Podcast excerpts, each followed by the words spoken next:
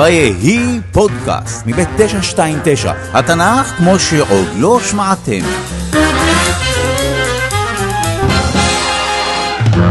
זהו הסיפור על גלות ממלכת יהודה. חלק ראשון, שלום, מי הזמין מוביל תנכי? אה, סליחה? מי הזמין מוביל? רשום לי פה הובלה. שם משפחה יהודה, שם פרטי אה, גלית. אולי גלות? אולי אתה המנחה, אני רק המוביל. אז מה את אומרת גלות? נזוז? אה, לא, רגע, עוד לא. זה לא אני. אתה מדבר על גלות ממלכת יהודה, על הגליית תושבי ממלכת יהודה לארץ אחרת, אבל אנחנו עוד בשלב מוקדם בסיפור. הגלות עוד רחוקה. אה, אוקיי.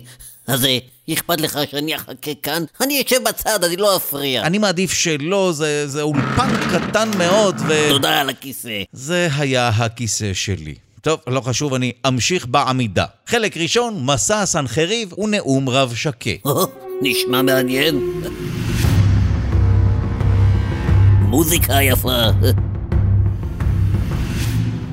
התקופה שבה אנחנו נמצאים היא קצת אחרי חורבן ממלכת ישראל. כדי להבין את הסיפור שלנו יותר טוב, כדאי לכם לשמוע קודם את הפרק שמספר על החורבן הזה. או, שמעתי את הפרק הזה. הושע מלך ישראל מרד באשורים, הוא חשב שהמצרים יעזרו לו, והעונש של האשורים היה הגליה של תושבי ממלכת ישראל. מאיפה אתה מכיר את הפרק? אה, אני מוביל. מי אתה חושב מוביל את הפרקים שלך לספוטיפיי ולאייטונס ולשאר האפליקציות? אה, הייתי בטוח שאנחנו שולחים קובץ דיגיטלי. בכל מקרה, בארץ ישראל נותרה רק ממלכה אחת, ממלכת יהודה. ובתחילת הסיפור שלנו, המלך ששולט ביהודה הוא חזקיהו.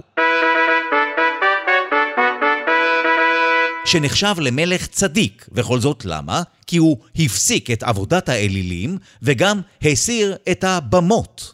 השיר הבא שלי נקרא שיר לגשם. אאו, איי, אח, היי, מי הסיר לי את הבמה? לא, לא במות שמופיעים עליהן, הבמות הן מזבחות שעליהן הקריבו קורבנות לאלוהים. התכוונתי, מי הסיר לי את הבמה שעליה התכוונתי לסבוח לאלוהים? היי, זה שם טוב לשיר. מי הסיר את הבמות? מי... חזקיהו זה מי שהסיר, ולא כולם אהבו את זה. אבל חזקיהו רצה שיהיה רק מזבח אחד בבית המקדש בירושלים, ולדעת מי שכתב את ספר מלכים, זה הופך אותו לצדיק. בכל מקרה, גם חזקיהו, מלך יהודה, מרד באשור, וגם הוא חשב שממלכת מצרים תעזור לו. אבל לצערו, סנחריב, מלך אשור, החליט להעניש אותו. הוא הגיע עד לממלכת יהודה כדי לכבוש אותה ולהגלות את התושבים שלה לאשור. יופי, אז זאת הגלות. זזים לאשור? אה, חכה, עוד לא, כי סנחריב, מלך אשור, כבש את כל ערי יהודה הבצורות חוץ מירושלים. רב שקה. כן, מלכי סנחריב? רב שקה היה בין השרים הבכירים של סנחריב, מלך אשור. האם כבשנו כבר את ירושלים? לא, המצור על ירושלים עוד נמשך. אני רוצה שתיגש לשם ותשכנע את תושבי ירושלים להיכנע. אני? למה אני? בגלל כושר השכנוע שלך. הרי אתה, רב שקה, מסוגל לשכנע כל אחד. אני ממש לא מסוגל לשכנע כל אחד. וואו, עכשיו כשאמרת את זה, ממש השתכנעתי. רגע, השתכנעת שמה? שאתה לא מסוגל לשכנע כל אחד, ועצם זה ששכנעת אותי בזה שאתה לא מסוגל לשכנע אף אחד, מוכיח שאתה מסוגל לשכנע כל אחד. אז לא הבנתי, אני מסוגל לשכנע כל אחד או לא מסוגל לשכנע? אנחנו נעצור את הלופ הזה ונתקדם. בטח. רב שקה כנראה היה בעל כושר שכנוע, ולכן סנחריב שלח אותו בראש משלחת לירושלים. רב שקה עמד קרוב לירושלים ונשא נאום שכל כולו לוחמה פסיכולוגית. אמרו נאל חזקיהו, כה אמר המלך הגדול מלך אשור, מה הביטחון הזה אשר בטחת?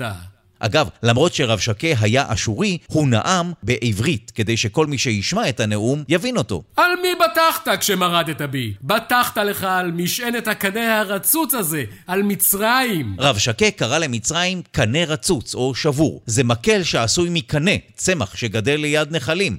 לא כדאי להישען על הקנה, הוא נשבר, ובמקום לתמוך בגוף הוא פוצע את היד. ובאמת חזקיהו קיווה להישען על המצרים. הוא קיווה שהמצרים יעזרו לו. וכי תאמרון אליי, אל אלוהים בטחנו? הלא הוא אשר הסיר חזקיהו את במותיו. אמרתי לכם, לא כולם אהבו את העובדה שחזקיהו הסיר את הבמות. יש כאלה שראו בהסרת הבמות פגיעה בעבודת האלוהים. רב שקה ניסה לשכנע את תושבי ירושלים שאלוהים לא יעזור להם. הוא הסביר שאלוהים כועס עליהם בגלל שחזקיהו הסיר את הבמות. רוצים להישאר בחיים?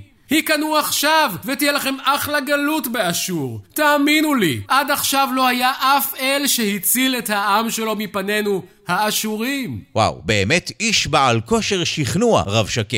מעניין מה יעשה חזקיהו מלך יהודה כשישמע על הנאום הזה. אין לו מה לדאוג, נכון? הרי הוא מלך צדיק. הוא אמר מה? שלא היה אף אל שהציל את העם שלו מפני האשורים. זהו, אכלנו אותה. טוב, אולי הוא קצת דאג. זה הסוף. סלחו לי, אני קורע את הבגדים שלי. טוב, הוא ממש דאג. למזלו, באותה תקופה פעל ביהודה נביא בשם ישעיהו, וזה מה שהיה לישעיהו לומר. תגידו לחזקיהו שאלוהים אמר לא לדאוג! סנחריב ישמע שמועה, יחזור לארצו, וימות שם, וירושלים לא תיפול! וזה באמת מה שקרה. סנחריב עזב את ממלכת יהודה. ומה לגבי המצור על ירושלים? אז החיילים האשורים שצרו על ירושלים, או לפחות חלק מהם, קמו בוקר אחד, ו... אל תשאל איזה חלום היה לי, הדד. עוד פעם אתה והחלומות שלך. אמרתי לך, חלומות לא באמת מתגשמים. חלמתי שמלאך של האלוהים של ממלכת יהודה עבר במחנה שלנו והכה 185 אלף חיילים. אה, אוי, צא רגע מהאוהל, תראה מה קורה בחוץ. יש, צדקתי! אמרתי לך שחלומות מתגשמים! אבל עכשיו אני גם מאוד עצוב ומפוחד. לא כיף להיות צודק. כן, בלילה מלאך אלוהים היכה במחנה האשורי, וכך התגשמה נבואת ישעיהו, וירושלים לא נפלה. אז זו לא הגלות. ממש לא. חלק שני, התפוח נופל רחוק מהעץ. יופי, יש עליך איזה תפוח, באמת לא אכלתי ארוחת בוקר. התכוונתי לזה שהבן שונה מאוד מהאב, והפעם זה מנשה, הבן של חזקיהו.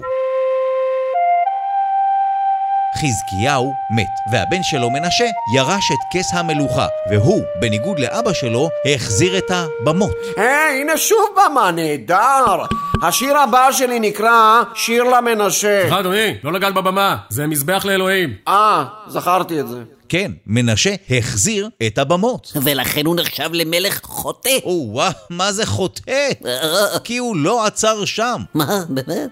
מנשה מלכי, כן, האיש שמנבא את העתיד על פי העננים הגיע. תכניס אותו. בתקופת התנ"ך, ניבוי העתיד על פי העננים נחשב לסוג של עבודת אלילים, ולכן מדובר בחטא. כן מנבא עתידות. מה יש לך להגיד על העתיד? שעוד מעט ייכנס לכאן מלא באוב. היי, אפשר להיכנס? אני המעלה באוב. וואו, אתה ממש מוצלח. איך ידעת שהוא ייכנס לפי צורת העננים? אה, נפגשנו במסדרון. כן, עמדתי ממש מאחוריו. אם אתם זוכרים את הסיפור של שאול, אז מעלה באוב הוא מכשף או מכשפת שמתקשרים עם רוחות המתים, וגם זה נחשב לחטא גדול. מעלה באוב, מה יש לך להגיד על העתיד? בקרוב ייכנס לכאן המשרת שלך, ויגיד לך שהפסל של האשרה שהזמנת הגיע. מלכי, הפסל של האשרה שהזמנת הגיע. וואו, אתה ממש מעלה באוב מוצלח. אלא אם... נפגשנו במסדרון. כן, עמדתי ממש מאחוריו, שמעתי שהוא אמר שהפסל של האשרה הגיע. גם אני שמעתי, הוא דיבר די חזק. הגיוני. אם אתם זוכרים, האשרה היא אלילה כנענית, ומנשה הכניס פסל שלה לבית המקדש. זה חמור מאוד. ממש חמור. מנשה החזיר את עבודת האלילים לממלכת יהודה. הוא החזיר את הבמות, הוא כנראה גם רצח את המתנגדים שלו. כל זה גרם לאלוהים לשלוח לו מסר בעזרת נביאים. אלוהים מוסר שבגלל החטאים שלך הוא יביא רעה על ירושלים ויהודה. הוא עוד מוסר שממלכת יהודה תקבל את אותו עונש שקיבלה ממלכת ישראל. אוקיי, זה נשמע לי כמו גלות. יאללה, למה אתה סתם יושב שם? אני עומד, לקחת לי את הכיסא בתחילת הפרק. אז למה אתה סתם אחד עומד שם. שים יד, בוא נתחיל לארוז. חכה חכה, אמנם ממלכת יהודה הוגלתה, אבל זה לא קרה בתקופתו של מנשה. זה עונש שלא יקרה בימיו. אה, זה מאוד מוזר. כן, יש לזה כנראה שתי סיבות. אחת, מנשה לא מרד באשור. יהודה חזרה להיות ממלכה וסאלית, ממלכה שמשלמת מיסים לאשור, ואם אתם זוכרים, ממלכות כאלה לא הוגלו. הסיבה השנייה נמצאת בספר בתנ"ך שנקרא ספר דברי הימים. שם מסופר שמנשה בכלל התחרט, חזר בתשובה והפסיק את העבודה הזרה. בכל מקרה, מנשה היה המלך שמלך הכי הרבה מכל המלכים ביהודה וישראל. זה קצת מאכזב. זאת אומרת, משמח בשביל ממלכת יהודה. מאכזב בשבילי, אני ממהר. אמרתי לך, זה ייקח זמן. מי שיגלה בסוף את תושבי ממלכת יהודה בכלל לא יהיו האשורים, אלא האימפריה שתירש אותם, בבל. אבל מתי זה יקרה? כנראה רק בפרק הבא. בינתיים אני מציע שנעצור ונשאל כמה שאלות. חזקיהו מרד באשור וגם ביער את העבודה הזרה. מנשה בנו עשה בדיוק ההפך. האם לדעתכם יש קשר בין ההחלטה של מנשה להיות נאמן לאשור לבין חזרתה של עבודת האלילים? אה, הקשר הוא. קשר? וגם קצת מפתיע שבנים עושים בדיוק ההפך מההורים שלהם. למה לדעתכם לפעמים זה בכל זאת קורה? אני שזה אני יודעת. בגלל ש... נתראה בפרק הבא. אני יכול לקבל את הכיסא שלי חזרה? אבל אני יושב פה.